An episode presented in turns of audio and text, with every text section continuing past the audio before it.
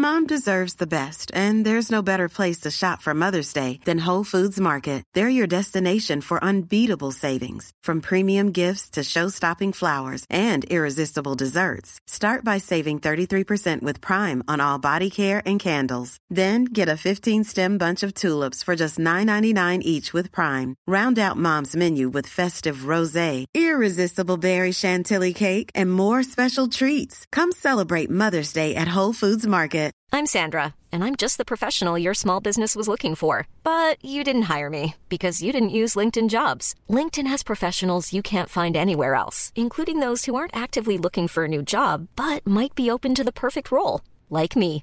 In a given month, over 70% of LinkedIn users don't visit other leading job sites. So if you're not looking on LinkedIn, you'll miss out on great candidates like Sandra. Start hiring professionals like a professional. Post your free job on linkedin.com/people slash people today.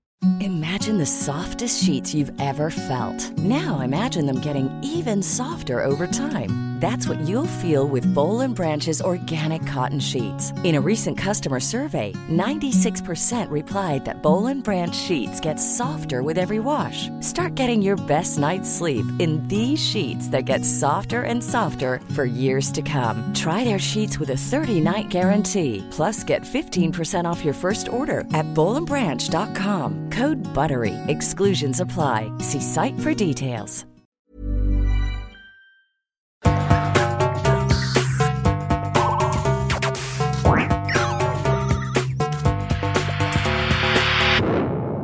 Velkommen til Sinnsyn.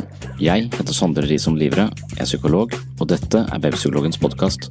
Hverdagspsykologi for fagfolk og folk flest.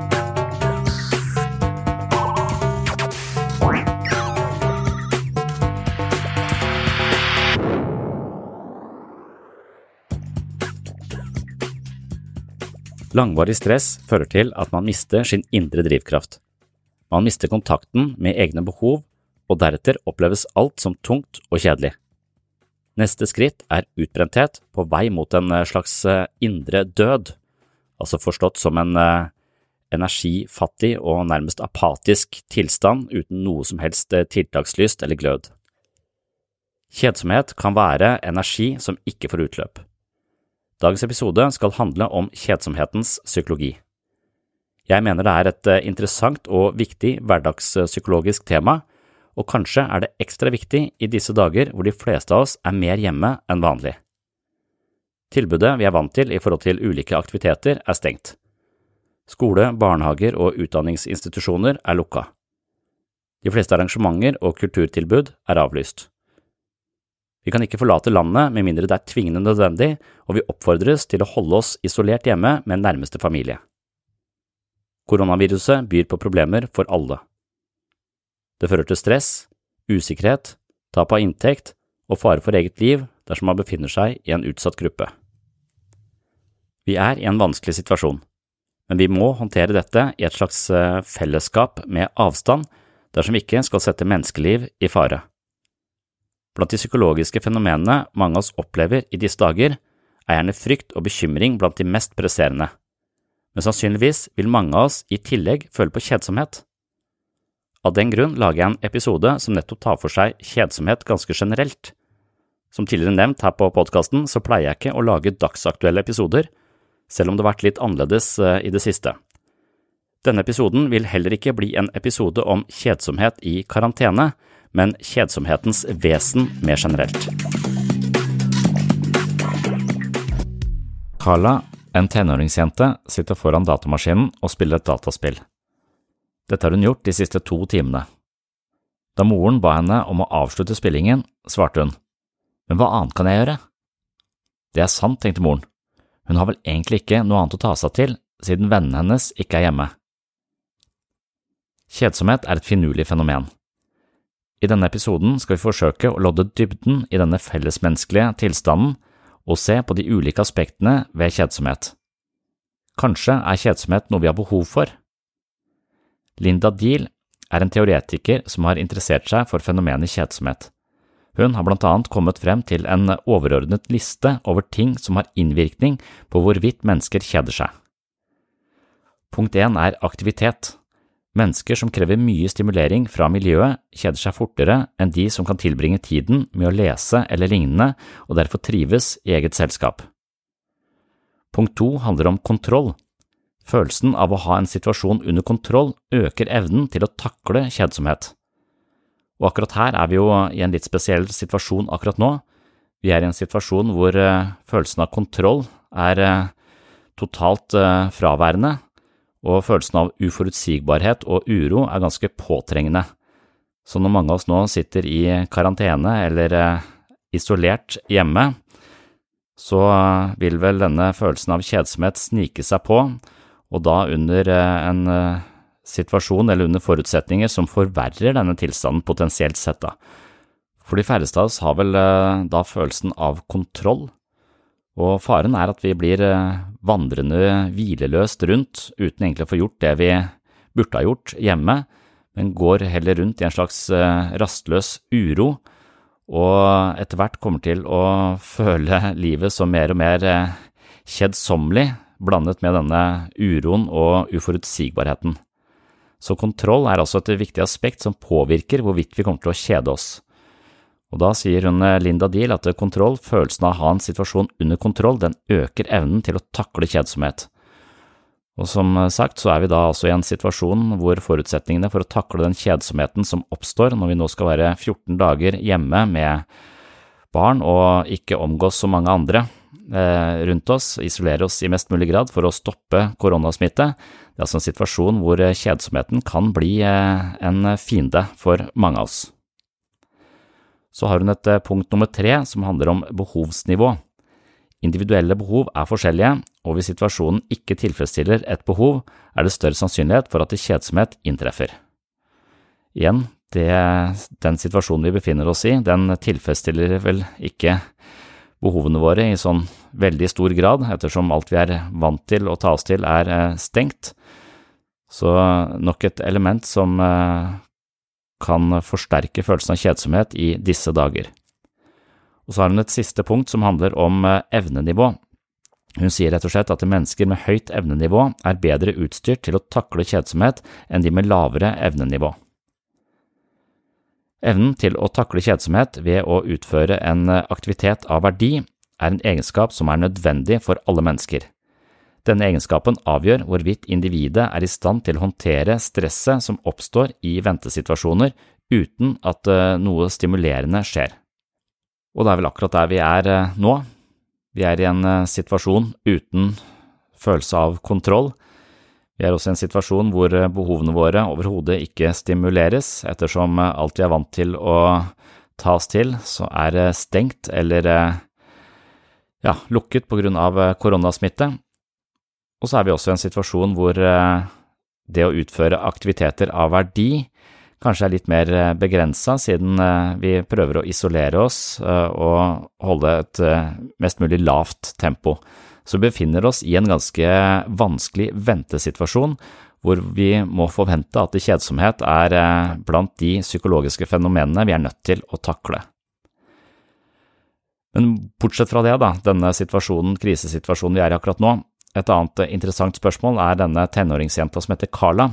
Hva kan hun egentlig gjøre når hun har spilt data i to timer og ikke vil skru av skjermen fordi hun ikke vet hva annet hun kan ta seg til? Og her dukker det opp et annet eh, problem som jeg har vært inne på tidligere her på Sinnsyn, og som er eh, mye diskutert i senere tid, og det handler jo om at oppmerksomheten vår er jo noe vi i utgangspunktet bør eie og ha kontroll på. Men i våre dager så er det så mange ting som glitrer rundt oss, og så mange skjermer som krever vår oppmerksomhet, at vi kanskje blir litt passive. Oppmerksomheten vår blir styrt av skjermer og algoritmer og alskens eh, spill og show på, på en eller annen skjerm, enten du har den på armen, eller om du har den i lomma, eller om du har den rett foran deg på veggen, så er det hele tiden en skjerm rundt oss som krever vår oppmerksomhet. Så istedenfor at vi bruker vår oppmerksomhet og trener opp vår evne, altså våre muskler, til å rette oppmerksomheten vår og aktivt søke ting i vårt eget liv, så er det som om oppmerksomheten vår blir stjålet av skjermer, og at vi blir litt sånn passive mottakere av stimuli istedenfor aktive deltakere i eget liv. Og der kan man også forestille seg at det å takle kjedsomhet er noe vi er ganske dårlige på, fordi vi kanskje er litt dårlige på å eie vår egen oppmerksomhet og rett og slett eh, være denne agenten som iscenesetter egne prosjekter og bruker vår egen oppmerksomhet aktivt. Og det vet jeg ikke eh, om man kan påstå, men man kan i hvert fall forestille seg at vi lever i en tid hvor eh, vi er vant til grad, vi er vant til en så høy grad av stimuli at vi har, kan få problemer med å være i en situasjon uten denne typen stimuli, og da raskt vi kom til å kjede oss. Ja, Carla hun sitter foran eh, dataskjermen. Hva kan hun egentlig gjøre? Jeg kjenner meg igjen i eh, moren hennes eh, sin eh, skal si, både frustrasjon, men også mangel på gode ideer. En av mine største frykter i forhold til dette koronaviruset, det var jo Jeg er selvfølgelig sånn globalt redd for at dette går utover folk som har det vanskelig i utgangspunktet. Jeg er redd for at det går utover barn som nå må være hjemme i, i, i, situasjoner som ikke er spesielt gunstige for dem, og masse sånne ting. Men rent personlig, på et helt personlig nivå, så er jeg ikke spesielt redd for å bli smitta sjøl. Jeg skal unngå det for å sørge for at denne kurven blir flatere ut, osv. Så, så men, men sånn rent personlig så tenker jeg at min utfordring er eh, litt sånn luksusaktig. Den er hva i huleste skal jeg finne på hjemme i 14 dager med tre barn med helt forskjellige behov i forskjellig alder. Det, er, eh, det, var min, eh, det var min umiddelbare innskytelse. Hvordan skal det gå, tenkte jeg. Og det har gått eh, ganske greit hittil, og det er kanskje en god øvelse, for det å kjede seg er ikke mine barn spesielt gode på, nettopp fordi de har levd i en verden som er veldig stimulerende. De stimuleres på skole og i barnehage, og vi som foreldre, vi gjør hele tiden noe med barna våre jeg kan ikke huske at det var like høyt aktivitetsnivå når jeg vokste opp, og jeg hadde nok en del mer tid som jeg måtte fylle selv, og det er kanskje denne evnen vi bør ha for å kunne takle kjedsomhet. Jeg er jo litt redd for at vi gjør barna våre en gedigen bjørnetjeneste ved å hele tiden aktivere de og stimulere de, og jeg faller virkelig i denne grøfta her sjøl. Så jeg kjenner meg igjen i moren til Carla. Hva kan jeg gjøre hvis ikke jeg skal sitte her og spille på iPaden? Det er et uh, interessant spørsmål, og nå skal jeg eh, lese litt mer fra denne artikkelen jeg skrev om kjedsomhet for en uh, god stund siden. Når et barn er lite, må foreldrene stadig introdusere nye aktiviteter for å stimulere barnets utvikling. Utadvendte barn søker hele tiden nye stimuli for å lære seg selv å kjenne og utvikle sine evner. Det er et sunt tegn som borger for utviklingen av et engasjert menneske. Her er utfordringen å finne på både innendørs- og utendørsaktiviteter som kan skape en følelse av velvære. Det er også viktig å gi barnet positive bekreftelser og oppmerksomhet etter hvert som det utvikler sine evner og mestrer nye leker og nye situasjoner. Denne typen positiv og anerkjennende oppmerksomhet er det som skaper grobunn for selvtillit i barnet. Det er også slik eh, oppmerksomhet som gir barnet en følelse av egen kompetanse, noe som senere i livet utgjør en vesentlig del av drivkraften mennesket har til å skape seg et tilfredsstillende liv med meningsfullt innhold. Senere i livet blir på sett og vis den oppmerksomheten og anerkjennelsen vi fikk som barn, selve motoren i vårt eget livsprosjekt. Det gir oss eh, muligheten til å føle tilfredsstillelse og stolthet når vi oppnår våre mål og det skaper engasjement i livet og motivasjon til å skape meningsfulle livsprosjekter. Kanskje vil Carla like å gå på skøyter, kanskje hun til og med er flink til å gå på skøyter, eller kanskje hun er en god maler. Begge disse aktivitetene kan være både bedre eller i alle fall et godt supplement til å spille data. Det finnes selvfølgelig dataspill som bebor en slags dannende funksjon men mange spill vil i lengden avstedkomme en slags psykologisk passivitet som kun utfordrer og stimulerer en liten del av vårt mentale og fysiske maskineri. Mange spill setter også forholdsvis beskjedne krav til mental aktivitet, hvorpå det kun er hendene som utfører noe som ligner mest på mekaniske operasjoner foran en skjerm. Mye av poenget med lek er å stimulere og utfordre så mange sider ved barnet som mulig.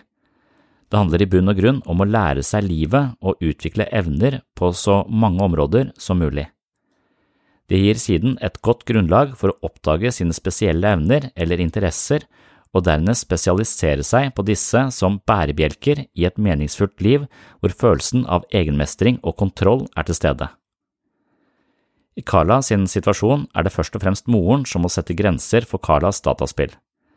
Siden er det også foreldrenes ansvar å investere tid i barna og bidra med positiv oppmerksomhet i prosessen hvor barnet jobber med å oppdage seg selv og tilværelsen.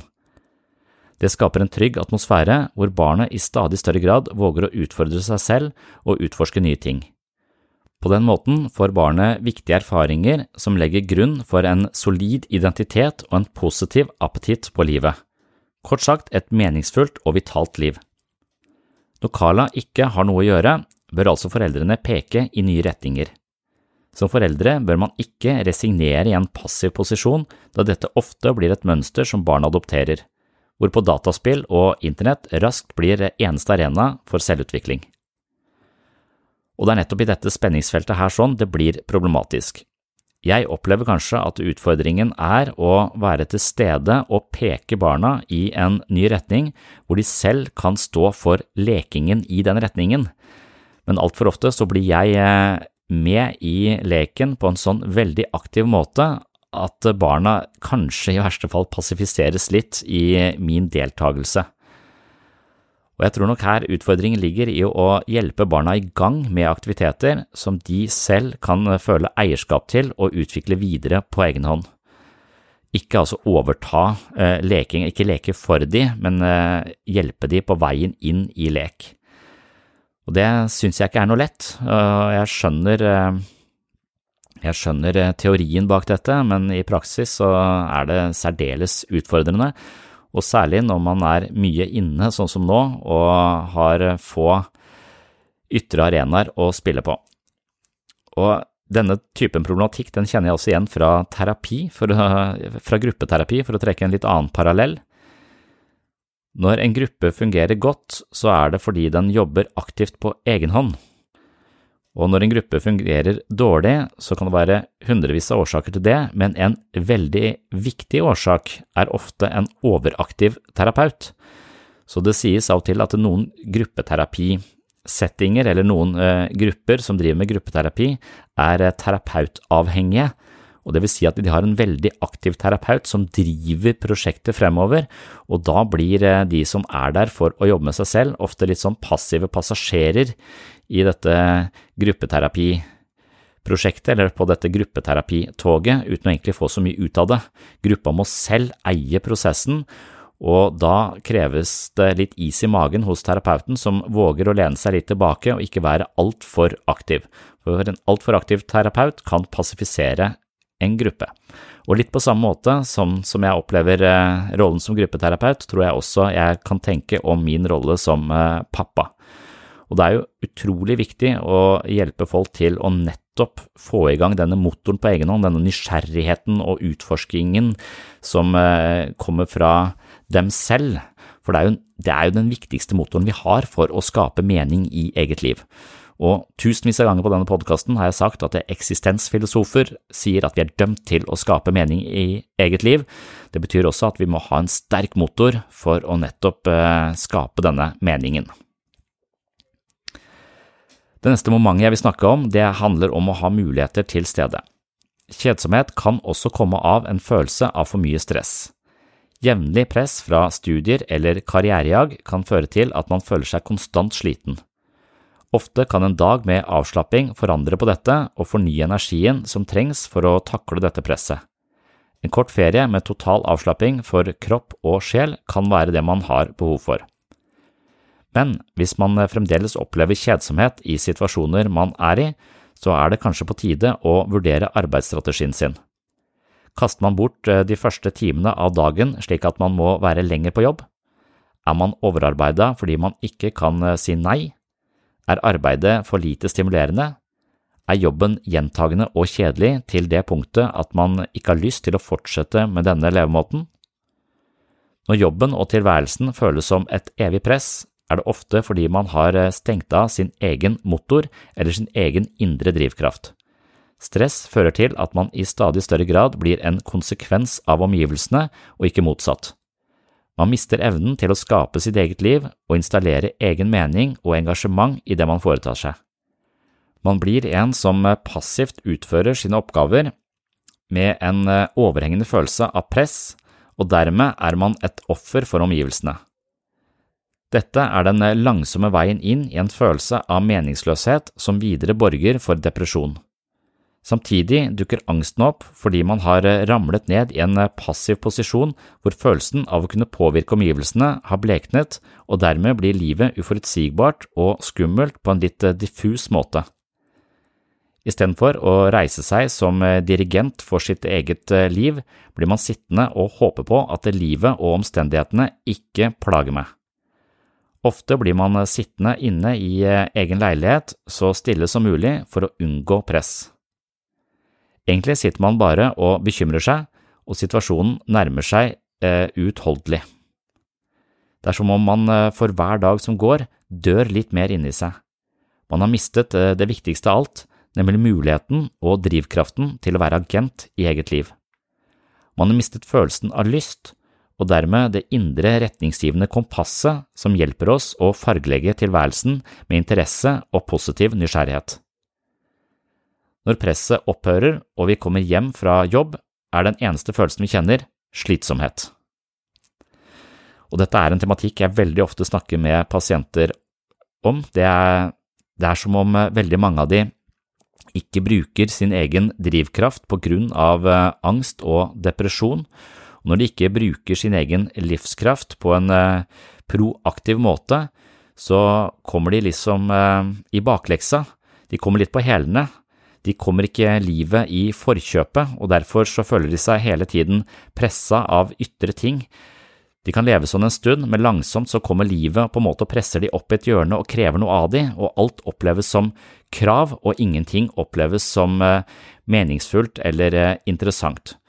Så man kommer, eh, man kommer rett og slett sånn eksistensielt sett i bakleksa og på et eller annet tidspunkt så kommer Nav da og sier nå er du nødt til å gjøre noe, og hvis ikke du gjør noe nå, så plasserer vi deg på en eller annen tilfeldig arbeidsplass for å teste deg ut, og da blir du denne personen som eh, blir båret rundt i livet og plassert ned et sted, istedenfor at man har tatt dette valget selv. Og det er nettopp det å kunne velge sin egen vei, gå sin egen retning. Hvis du klarer det, så kommer du livet i forkjøpet, og du eier livet ditt.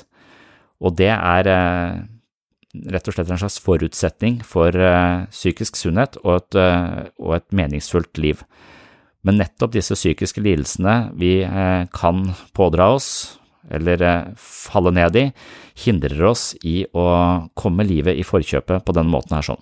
Så dette er en stor utfordring for mange av de menneskene jeg møter til daglig. En litt annen vei inn i denne kjedsomheten er det at man eh, hele tiden bare utfører det man må og det som er eh, kravet og det man er forpliktet til, uten å egentlig eie prosjektet, men bare gjør det man skal, dag ut og dag inn. Og da blir man eh, rett og slett ja, presset gjennom livet. Man har kanskje en slags følelse av å være en ja, slave er jo et eh, litt eh, avleggs og gammeldags uttrykk, og det er vel ikke rettferdig å sammenligne dette med en tilværelsen til en slave, men vi har en slags slavementalitet hvor vi bare gjør det vi skal ut, dag ut og dag inn, eh, og på et eller annet tidspunkt da så, så vet vi ikke helt hva vi liker når vi ikke har dette presset over oss. Så vi kommer plutselig til å kjede oss fordi vi ikke helt vet hva vi skal ta oss til i et eh, plutselig fravær av krav.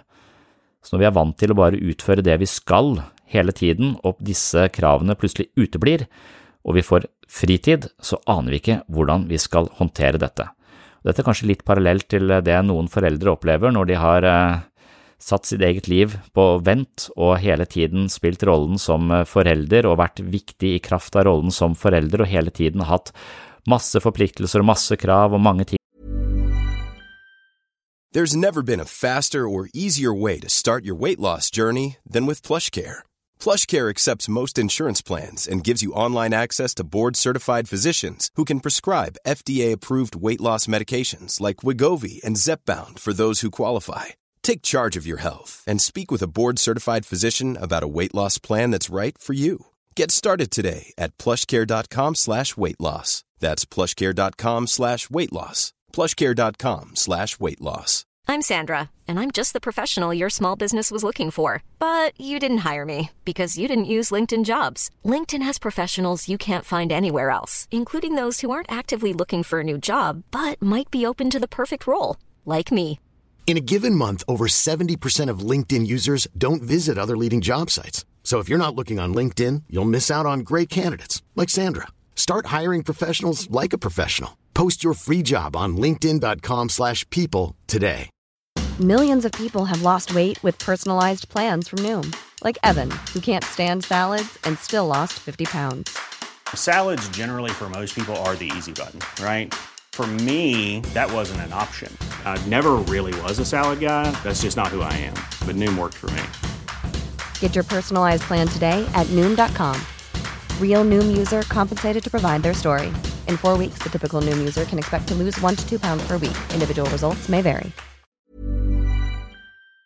man hele tiden må ta seg til, og så flytter barna ut, og da, i fraværet av ytre, disse ytre kravene, som tidligere ga livet sannsynligvis mye mening, men også ganske mye mange eh, og lange, kjedelige opp arbeidsoppgaver, når de plutselig uteblir, så vet man ikke helt hva man skal gjøre, for man er ikke noe vant til å kjenne etter på hva man har lyst til, eller kanskje man ikke engang vet hvordan man eh, slapper av, og da er det lett å havne i denne kjedsomhetssumpen. Livet har rett og slett begynt å skje med oss snarere enn at vi skaper vårt eget liv, og utbrenthet har rammet oss med sin harde hånd. Livskvaliteten uteblir, alt oppleves som et ork, og vi vet ikke lenger hvem vi er, hva vi vil eller hva vi ønsker med livet. Evnen til å se mulige alternativer for å tjene til livets opphold, samtidig som man eh, virkelig lever, er en viktig motgift for kjedsomhet. Hvis typen av arbeid skaper kjedsomhet og dermed stress, prøv å finne andre muligheter. Evnen til å vurdere alternativer og bestemme av egen fri vilje og finne måter å implementere dem på, er en sikker måte å bli kvitt kjedsomheten på. Det eneste man kan gjøre med dette her, er å vekke seg selv opp fra dvale og gjenerobre makten over sitt eget liv. Når det eneste man ønsker er å være i fred, bør man kanskje tilstrebe det motsatte. Slitsomheten, stresset og kjedsomheten er det som fanger oss og langsomt suger all vitalitet ut av livet. Det mest bekymringsfulle aspektet ved kjedsomhet er nettopp at det kan være begynnelsen på depresjon og angstproblemer. I tillegg til det jeg allerede har nevnt nå, kan kjedsomhet få mennesker til å bry seg mindre om spisevaner, og på den måten kan det føre til langvarige fysiske problemer. Kjedsomhet på jobben eller i privatlivet kan føre til for tidlig aldring. Det reduserer kapasiteten for lykke og forsterker fokus på alt som mangler i livet, istedenfor at man ser mangfoldet i omgivelsene. I tillegg til at det forsterker et negativt fokus, hemmer det vår evne til å gjøre noe med situasjonen, altså forsøke å gjøre en positiv forandring. Og igjen er parallellen til vår nåværende situasjon, hvor vi oppfordres til å holde oss hjemme ved symptomer, ikke omgås hverandre, og vi lever på lavaktivitet hjemme, mange av oss, og forholdsvis lavaktivitet i samfunnet for øvrig. Faren nå er eh, denne, om ikke det er kjedsomheten, så er det passiviteten. Hvis vi nå blir så stressa og har en så stor følelse av mangel på kontroll at vi blir litt tiltaksløse og passifiserte, så vil det være en potensielt sett ganske farlig situasjon for oss. Det er viktig å ikke resignere i passivitet i det vi nå står overfor, men fortsette å leve livet innenfor de rammebetingelsene som vi nå har fått av regjeringa og helsemyndighetene. Kjedsomhet over lengre tid fører til eh, utviklingen av en eh, mangel på interesse for omgivelsene og til en usunn avhengighet av venner for stimulering. Det er også et annet aspekt som hun Linda Deal eh, poengterer. Det kommer i veien for å utforske og gjenoppdage sine egne talenter, ønsker, behov og det man virkelig liker. Ved langvarig kjedsomhet mister man også følelsen av at livet har et formål, noe som i sin eh, tur avstumper evnen til å prøve ut nye ting. Hvis vi skal finne kilden til lykke, altså lykke i hermetegn, og oppfyllelse av våre drømmer, så må vi være involverte i en type innsats slik at vi kan identifisere hva vi liker og ikke liker. O'Brien er en annen teoretiker som poengterer viktigheten av å ha en jobb man liker og en meningsfull og gjerne skapende aktivitet som er forankra i en aktiv livsorientering. Dette er nødvendig for å gjøre livet verdt å leve, og vår verste fiende er passiviteten som starter med kjedsomhet og ender med utbrenthet. I akkurat den situasjonen vi befinner oss i nå, så er vi også da mye mer sårbare, for det er så mange av disse faktorene som forsterker eh, kjedsomhet eh, og indre uro som er til stede i disse koronatider. Mye av problemet er jo at vi eh, for det første er pålagt en rekke restriksjoner utenfra, og det kan føles litt lammende. En annen ting er det stresset vi opplever, enten det er knytta til økonomi, egen helse, folk vi er glad i, så er vi hele tiden under en, eh, en overhengende og ganske alvorlig sånn stressfaktor, og friheten vår er eh, begrensa.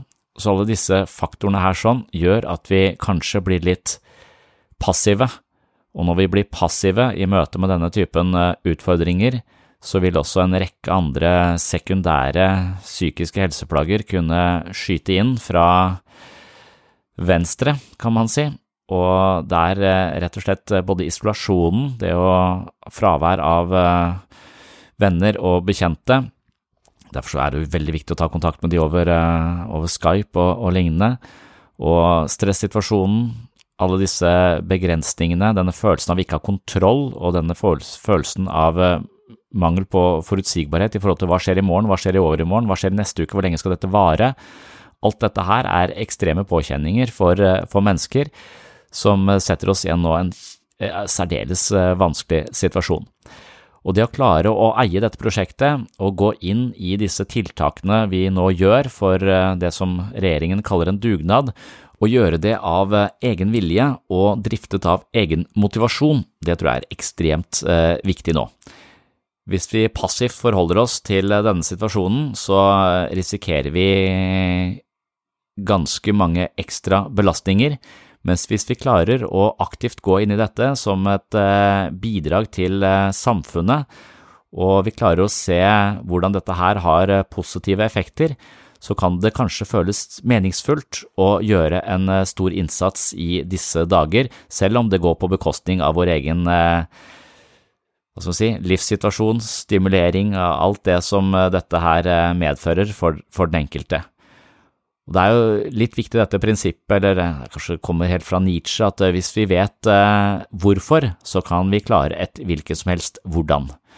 Og vi vet jo hvorfor vi gjør dette. Vi vet hvorfor vi nå eh, prøver å unngå kontakt med andre folk, for å unngå smittespredning, for å ta vare på de som er i faresonen i samfunnet vårt. Så det må være min eh, konklusjon i dag i forhold til denne aktuelle situasjonen vi er i. Vi er nødt til å opprettholde livet, vi er nødt til å gjøre de tingene som vi pleier å gjøre. Vi må stå opp, vi må kle på oss, vi må barbere oss for de som eh, har skjeggvekst. Vi må lage frokost, vi må holde på rutiner, vi kan eh, trene inne sammen med de vi eventuelt eh, bor sammen med. Vi kan kanskje melde oss på noen treningstimer på nett, eh, det kan foregå via en eh, livestream, det er mange sånne tilbud som dukker opp nå.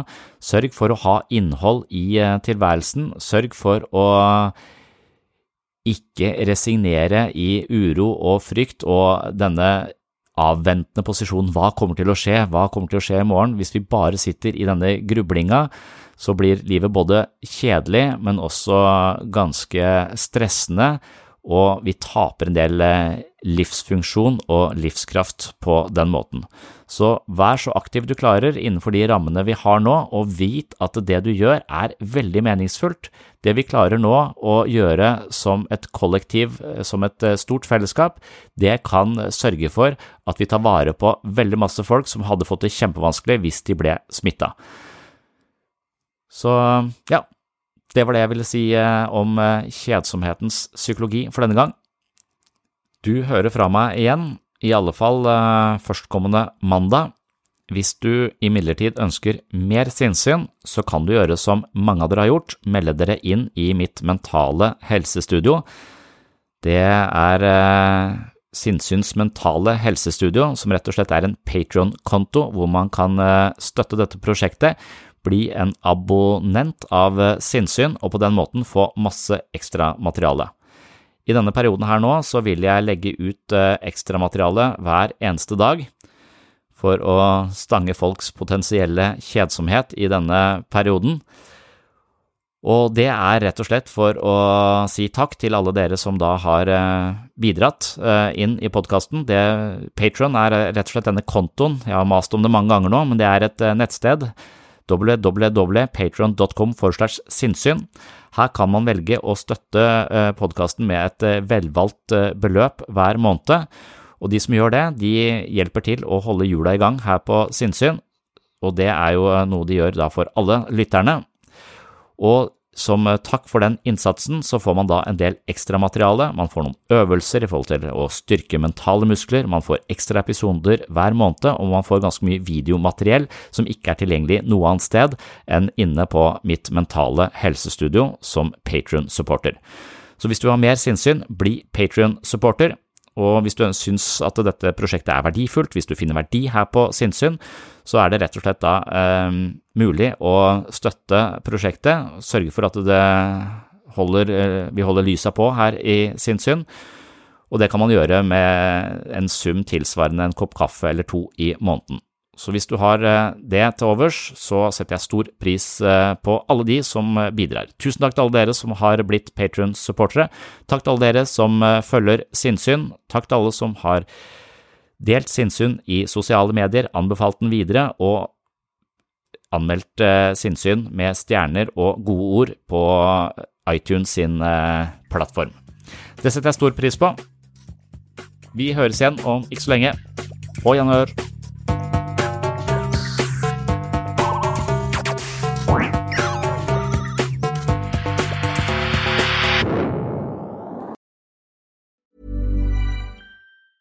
Planning for your next trip? Elevate your travel style with Quince. Quince has all the jet setting essentials you'll want for your next getaway, like European linen, premium luggage options, buttery soft Italian leather bags, and so much more. And is all priced at 50 to 80% less than similar brands. Plus, Quince only works with factories that use safe and ethical manufacturing practices. Pack your bags with high-quality essentials you'll be wearing for vacations to come with Quince. Go to quince.com slash pack for free shipping and 365-day returns. Want flexibility? Take yoga. Want flexibility with your health insurance? Check out United Healthcare Insurance Plans. Underwritten by Golden Rule Insurance Company, they offer flexible, budget-friendly medical, dental, and vision coverage that may be right for you. More at uh1.com. Planning for your next trip? Elevate your travel style with Quince. Quince has all the jet setting essentials you'll want for your next getaway, like European linen, premium luggage options, buttery soft Italian leather bags, and so much more. And is all priced at 50 to 80% less than similar brands. Plus, Quince only works with factories that use safe and ethical manufacturing practices. Pack your bags with high-quality essentials you'll be wearing for vacations to come with Quince. Go to quince.com/pack for free shipping and 365-day returns.